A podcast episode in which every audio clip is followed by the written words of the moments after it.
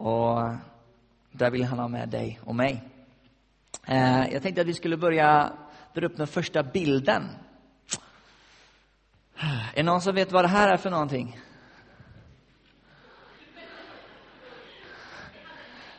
Eh, just det, det finns en ledtråd där. Det, jag tänkte inte på att det stod namn. ja, Okej. Okay. Alla vet vad det här är för någonting. Eh, vet ni var den här ligger någonstans? Colosseum. Oh, bra. Liksom. Får alla poäng här ute, eller?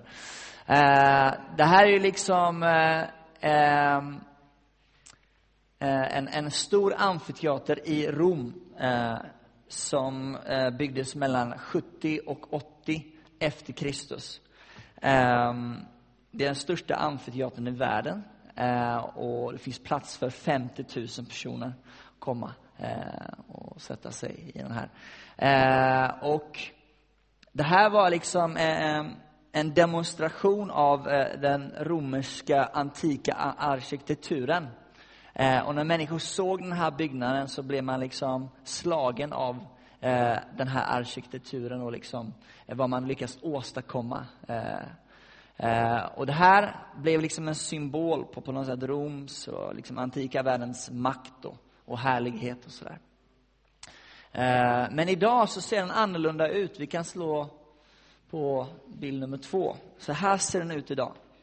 Genom att den stått och förfallit och genom olika eh, naturkatastrofer, jordbävningar så har det trillat av bitar och idag är den eh, i ruiner. Men det, det finns liksom fortfarande eh, kvar, men det är inte alls som det var innan. Eh, och och det här står idag som en ikon på det forntida romerska imperiet. Eh, någonting som var men ännu inte är.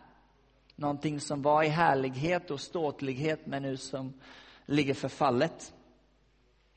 Eh, och det här liksom talar till mig liksom att det är mycket idag som är förfallet runt omkring oss.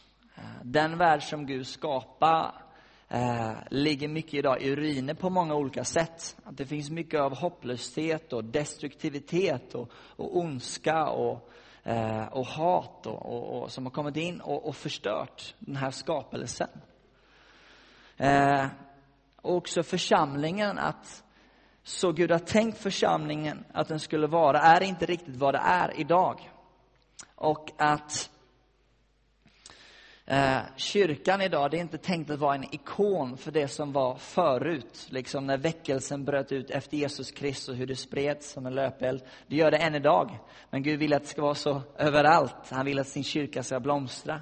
Och Gud vill inte, att sin, eh, vill inte att sin kyrka ska stå som en ikon på det som en gång var. Utan att den ska få blomstra och demonstrera Gud. Demonstrera Guds makt, Guds härlighet. Så det här tänkte jag tala med om, att bygga upp Eh, det som är förfallet, det som ligger i ruiner. Eh, och det talar liksom om vår omvärld. Eh, att Gud vill restaurera det som är förfallet så att det får åter bli en reflektion av vem Gud är. Och det talar också om att Gud vill bygga upp oss som sin församling. För att ska vi vara med och bygga upp det som finns runt omkring oss, det som ligger i ruinen, så behöver vi själva vara uppbyggda och bli uppbyggda. Eh, Så jag tänkte läsa någonting här från Lukas 4.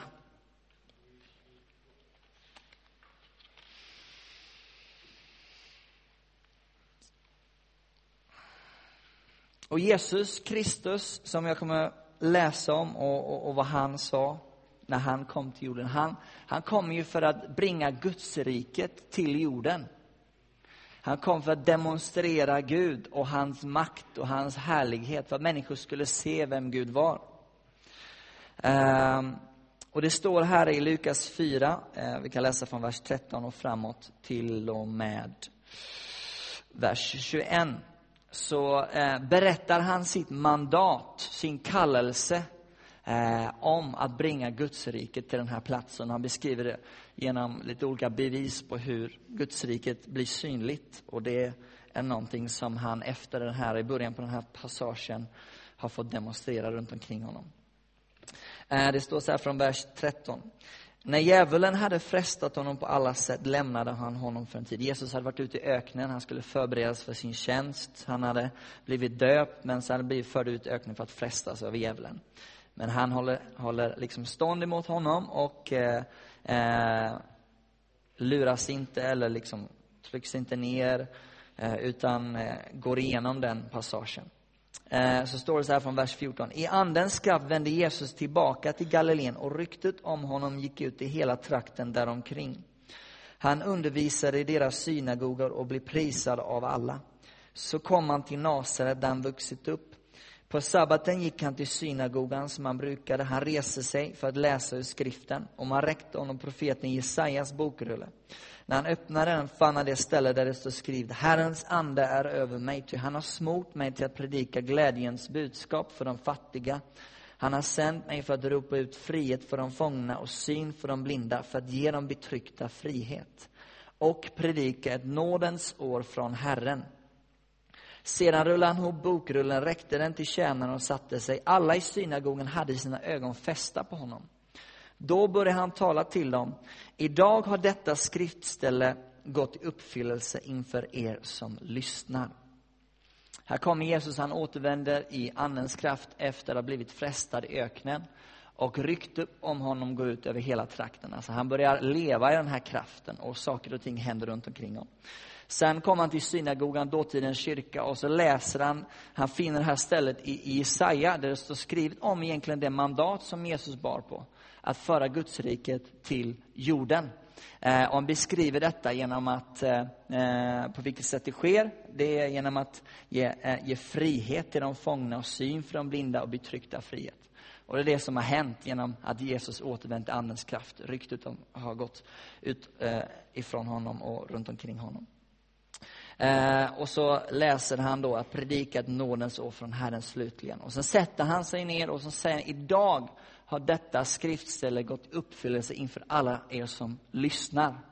Så det här skriftstället blev eh, i och med detta fullbordat.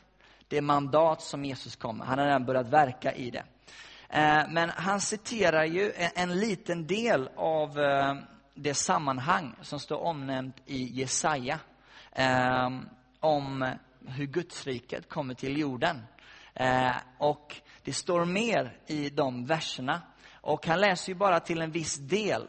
Men vi ska fortsätta läsa utifrån det här skriftstället och se vad det är för mer saker eh, som Gud vill göra för att bringa sitt Gudsrike till jorden. Så vi slår upp Jesaja 61.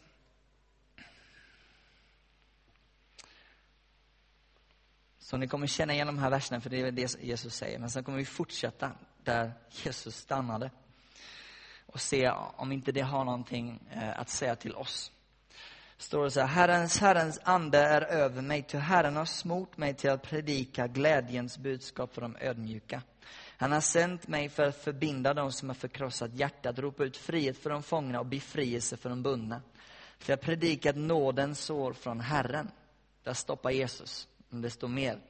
Och jag tror det handlar om, om, om eh, vårt uppdrag som församling och en hämndens dag från vår Gud för att trösta alla sörjande. För att låta de sörjande i Sion, alltså platsen för Guds församling, få huvudprydnad istället för aska. Glädjens olja istället för sorg. Lovprisningens klädnad istället för en motfälld ande. Det är vad han vill ge oss. Han vill ge oss glädje. Han vill ge oss lovprisningens klädnad. Han eh, vill ta oss ur förtvivlan och förtryck. Och de eh, ska kallas rättfärdighetens terebinter, planterade av Herren till hans förhärligande. De ska bygga upp gamla ruiner, återupprätta tidigare ödelagda platser. De ska återbygga upp de ödelagda städerna, platser som har legat öde släkte efter släkte. Så i fortsättningen av de här verserna så ser vi egentligen det som jag tror är församlingens uppdrag. Det står att de, alltså de som Gud kommer med tröst till, glädje till, lovprisning till.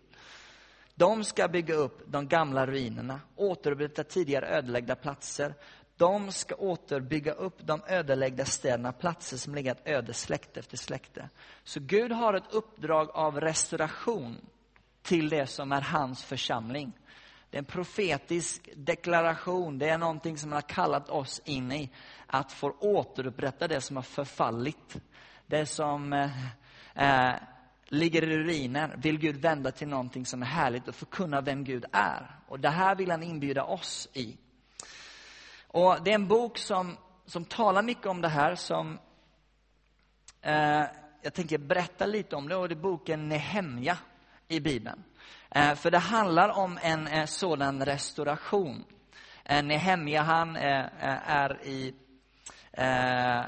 kungens palats jag kommer faktiskt inte ihåg vad kungen heter, jag vet inte om det står omnämnt där. Men han i alla fall är, jobbar hos en kung.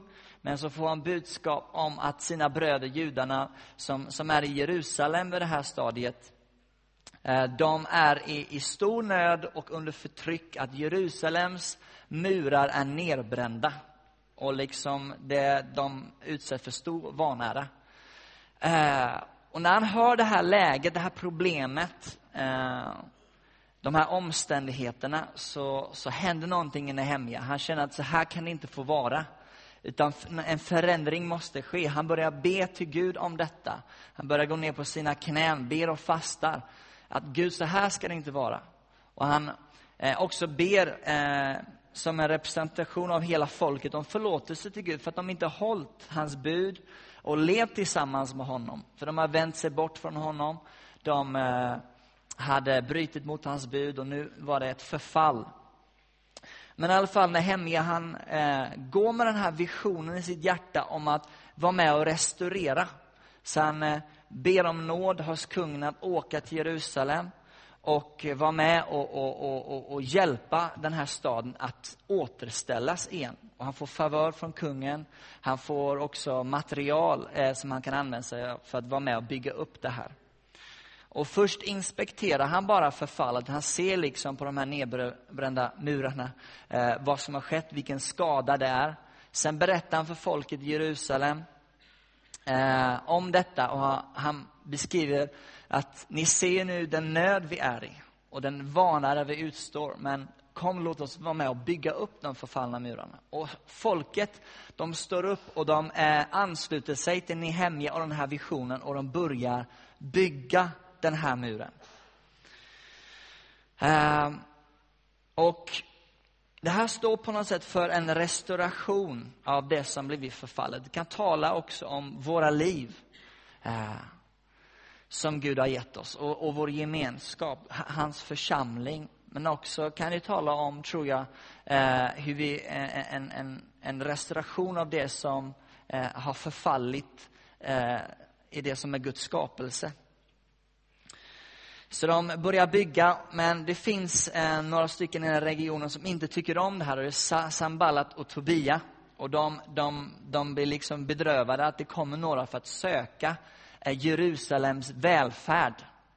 Eh, och de tycker inte alls om detta. Och i takt med att de här börjar bygga eh, upp de förfallna murarna så, så blir de bara ännu mer liksom arga att det här sker. För då, när de börjar bygga upp de här murarna så innebär det ett hot för dem själva. För att nu har de ju varit helt utan beskydd i Jerusalem. Och när, de, när det kommer en restauration så blir de också tydligen ett hot för resten av regionen. Så att de planerar liksom på att distrahera dem, på att förtrycka dem, för att vara med och hindra eh, att det här återuppbyggandet sker. Eh, och jag tror att det är så här när, när, när Gud då vill bygga upp sin församling, då vill han ju ha med oss. Han vill att vi ska kunna få vara med och eh, vara del av det här bygget att restaurera hans församling. Den ska få byggas upp. Och då möts det också på opposition Eh, för det finns någon som inte vill att Guds församling ska få byggas upp så att vi kan också hjälpa till och resa upp det som är förfallet runt omkring oss.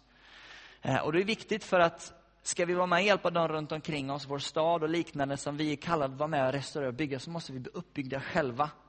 Eh, och det är någonting som vi gör i samarbete med Gud, i samarbete med en helig Ande. Och faktum är att namnet Nehemja betyder Herren tröstar. Och det är också en bild på hur den helige Ande vill hjälpa oss att bli uppbyggda och restaurerade som personer, som gemenskap. Så att vi kan vara starka och inte leva i förtryck eller vanära, utan leva så som Gud har tänkt att vi ska göra på jorden. Så att vi får bli en sann representation om vem Gud är. Så vid ett tillfälle så går de ihop, Sambalat och Tobia, och de planerar på att attackera Jerusalem för att förhindra bygget blir klart.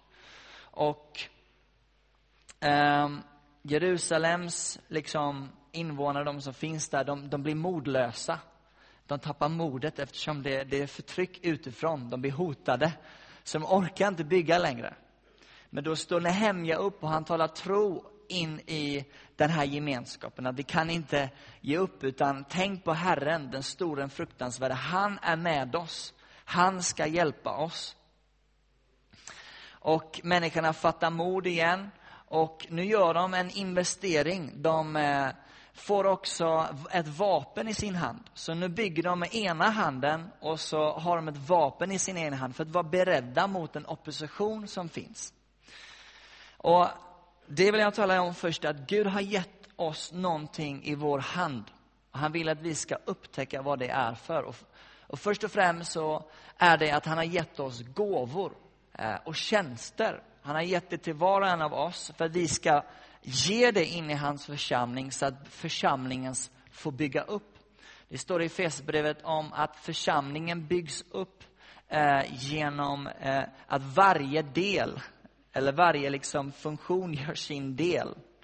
Och Gud har gett någonting till var och en av er, någonting gudagivet som du är kallad att få vara med och bidra med in i hans församling så att hans församling får bli uppbyggd.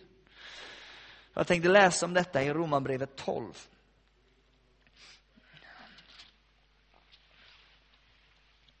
Så står det från vers 5 och framåt.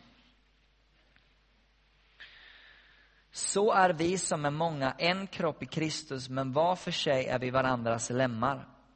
Vi olika gåvor allt efter den nåd som vi har fått.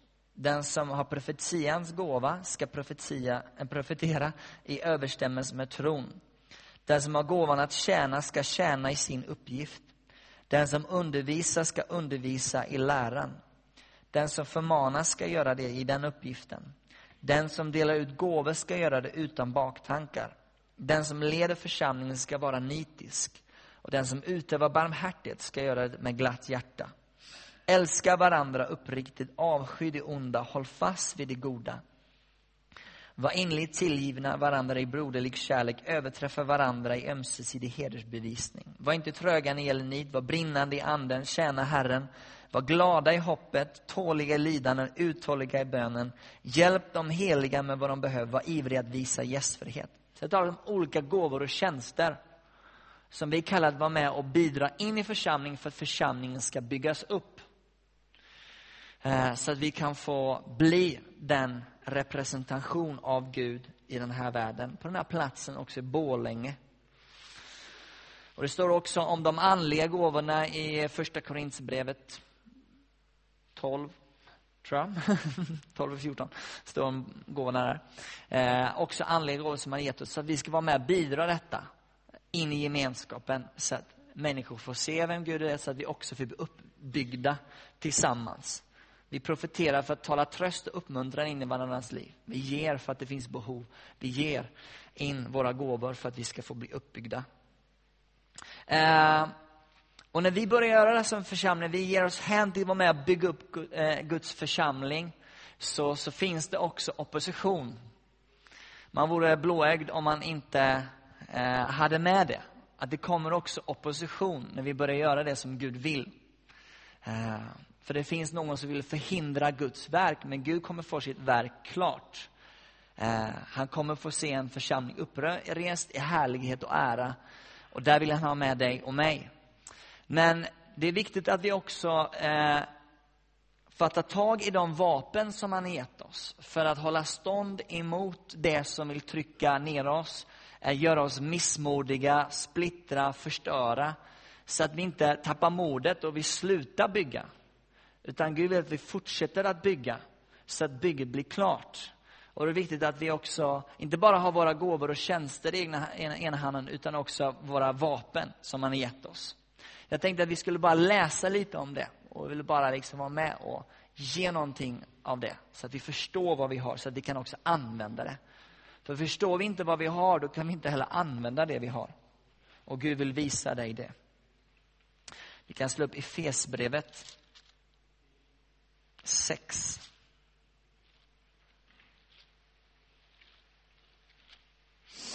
står det om den andliga vapenrustningen. 10. Så det är så här, till sist bli starka i Herren och i hans väldiga kraft. Ta på er hela Guds vapenrustning så att ni kan stå emot djävulens listiga angrepp. Ty vi strider inte mot kött och blod utan mot förstar och väldigheter och världshärskare här i mörkret, mot ondskans andemakter i himlarna.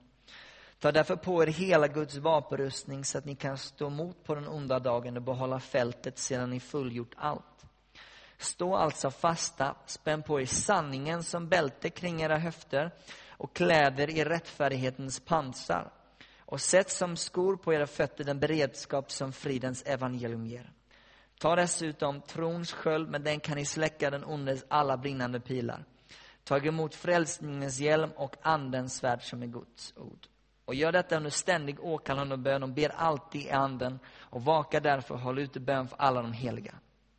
Här står det om olika delar som, som innefattas i det som är den andliga vapenrustningen. Jag vill bara säga någonting kort om det, för det är bra att ha med sig i det att vi är med och bygger upp Guds församling tillsammans med våra gåvor. Eh, och det första som står omnämnt är ju sanningens bälte. Och representerar det skrivna ordet. Det är det som vi behöver ha närmast liksom oss, som ett bälte. Eh, och det finns ju mycket där vi, vi möts på olika lögner eh, som attackerar våra sinnen och, och som vi konfronteras med. Då behöver vi veta vad som är sanning, för det är bara då vi kan avslöja lögnen.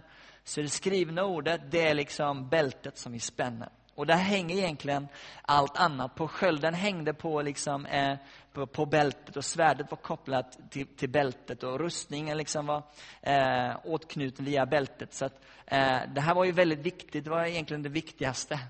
Och vi behöver också ta på oss det skrivna ordet, att ha det, att meditera på det, att, att leva i det, begrunda det eh, varje dag. Så att vi får bli starka, så att vi förstår sanningen. Och sanningen ska göra oss fria, säger Bibeln. Sen står det att vi ska kläda oss i rättfärdighetens pansar. Och ett pansar, det beskyddar ju hjärtat och det är det viktigaste. Och tänk liksom, eh, vi kan inte leva efter hur vi känner varje dag.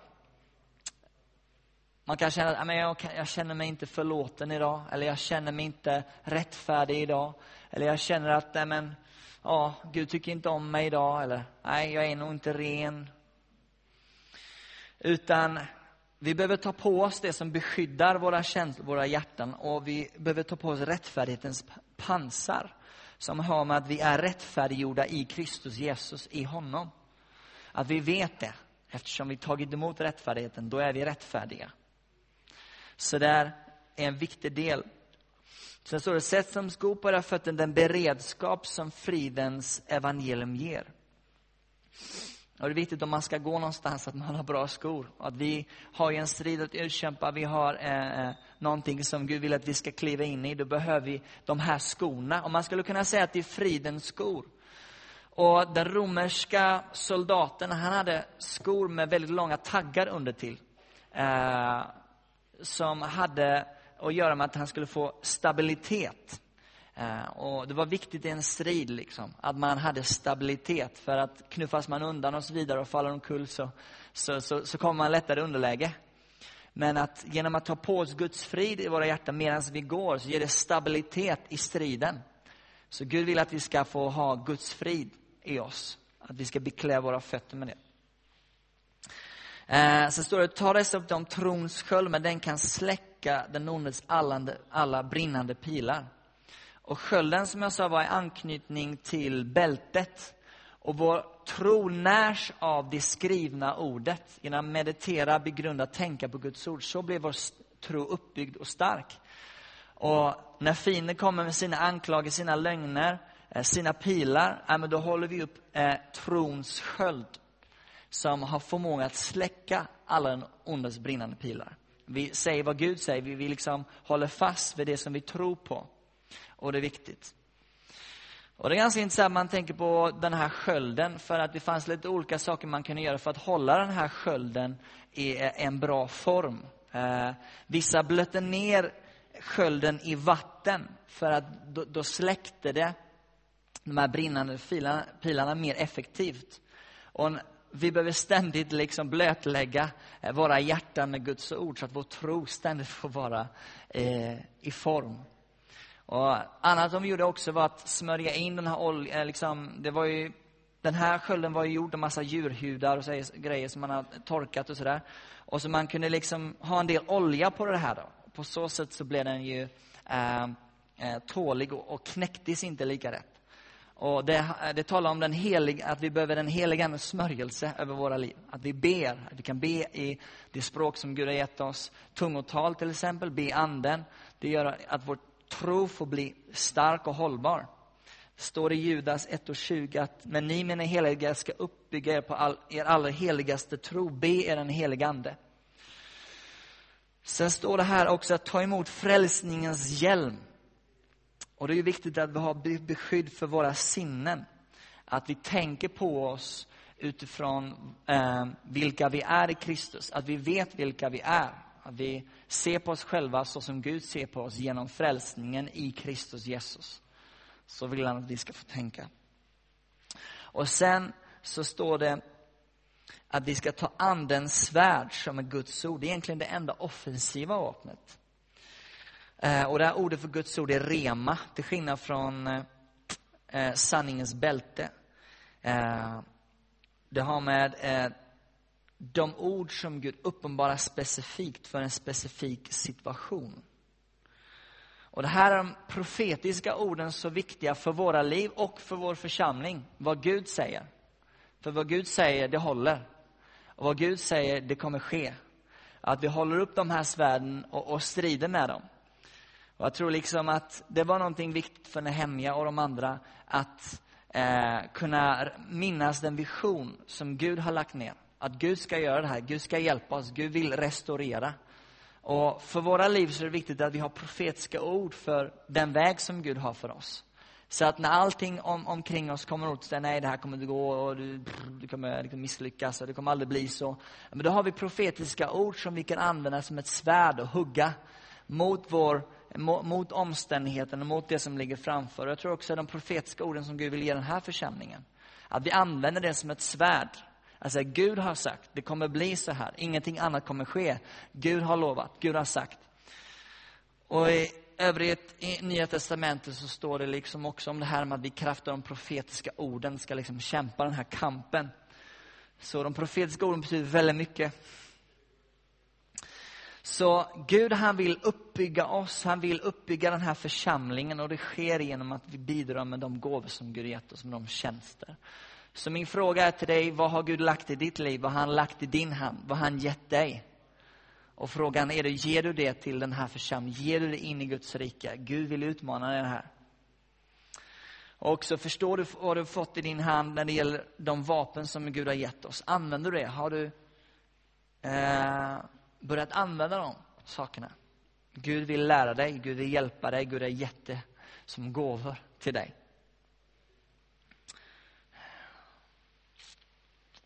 Jag vill läsa ett ord slutligen, sen ska jag gå in på min slutspurt här. I Apostlagärningarna 9.31.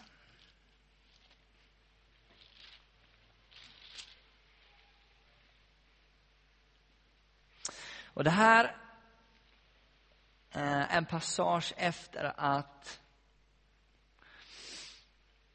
eh, Stefanus har blivit stenad. Eh, en av dem som fanns med i den första församlingen. Och efter detta bröt en svår förföljelse ut och församlingen spreds ut förutom apostlarna.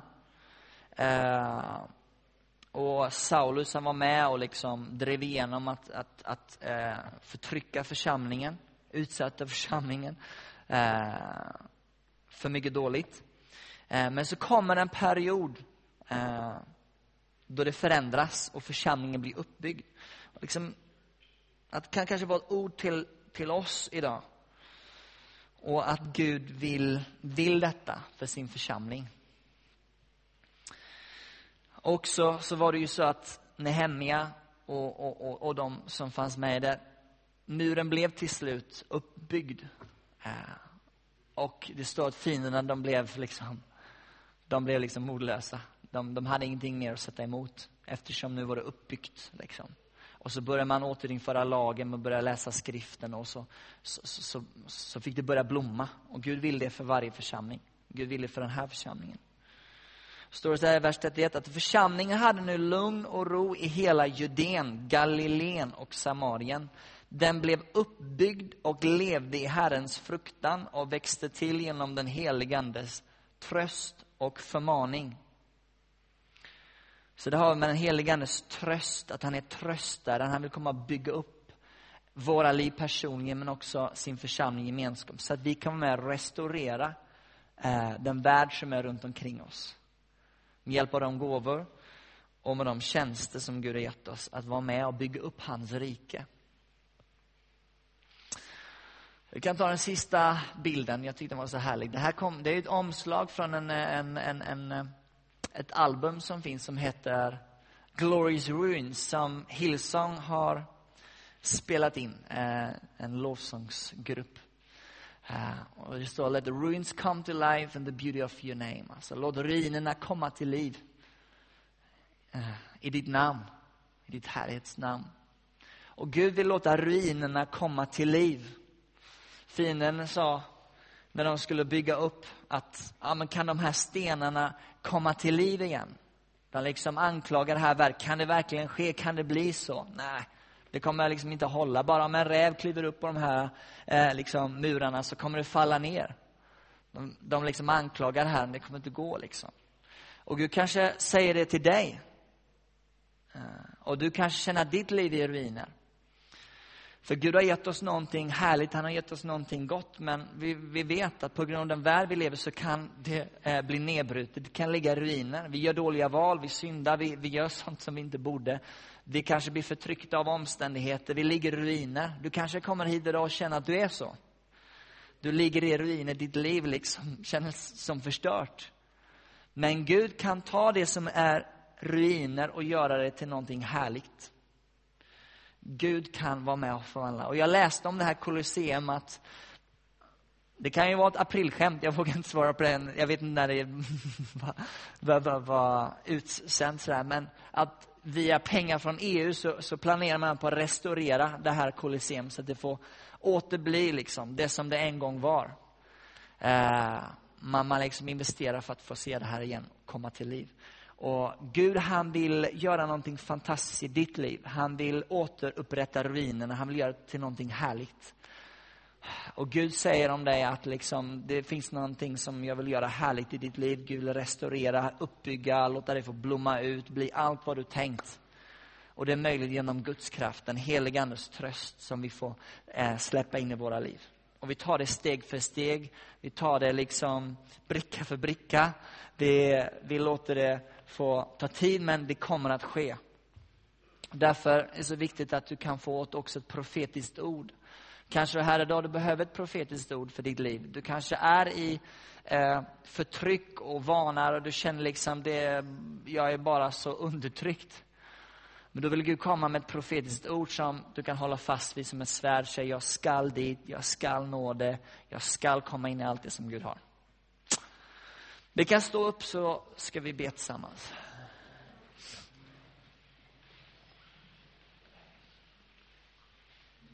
Ja, himmelske Fader, jag bara prisar dig Herre för den här församlingen, Gud Herre. Tack Herre för att du är i, i, i verk till att bygga upp den här församlingen, Gud. Genom de gåvor och tjänster som du lagt ner i den här församlingen. Och jag bara tackar dig för det, det du ehm, det är vi tillsammans, Herre, som du vill använda för att bygga upp ditt verk, din församling, din ögonsten, Herre. Så att den här världen får se eh, din härlighet. Så att den här världen får se och uppleva din närvaro. Så att den här världen får se en demonstration av din kraft, av din visdom genom församlingen, Gud Herre. Och jag bara förlöser din nåd, Herre, till att bygga. Förlöser din nåd, Herre, till att vara med och restaureras. Så att vi, Herre, kan få bygga upp det som är förfallet runt omkring oss, Gud, Herre.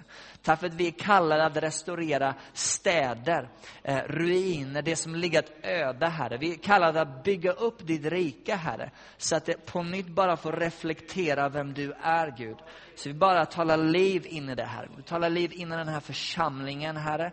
Att du har goda planer, att du har goda tankar. Tack för att du, du som har börjat ett gott verk ska också fullborda det in till Kristi Jesu dag, Herre.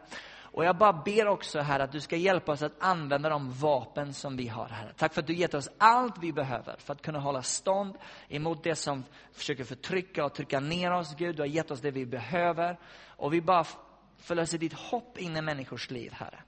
Och så ser du också våra egna personliga liv här, att vi kan känna oss eh, som att vi är i ruiner. Som att liksom vi har pajat till det, saker liksom eh, ligger öde och det är inte alls som det borde vara. Gud, du vill restaurera oss. Eh, du vill ge hopp, Gud. Och när fienden säger att kan de här stenarna få liv igen, så säger det det kommer att gå, jag kommer göra någonting härligt. Och det spelar ingen roll hur, hur, hur nedtryckt och hur mycket ruiner och liksom öde det är, Gud. Du gör någonting härligt av det. Du gör någonting fantastiskt av det. Så jag bara ber Gud att du ska komma med hopp, Gud. Att du ska förlösa profetiska ord här idag, Gud, till människor som går igenom olika svåra passager. Som de får kämpa, ha sin hand och säga, skall dit, Gud säger det här om mig. Eh, det skall bli så. Så jag bara ber om din nåd och din härlighet. I Jesu namn. Amen.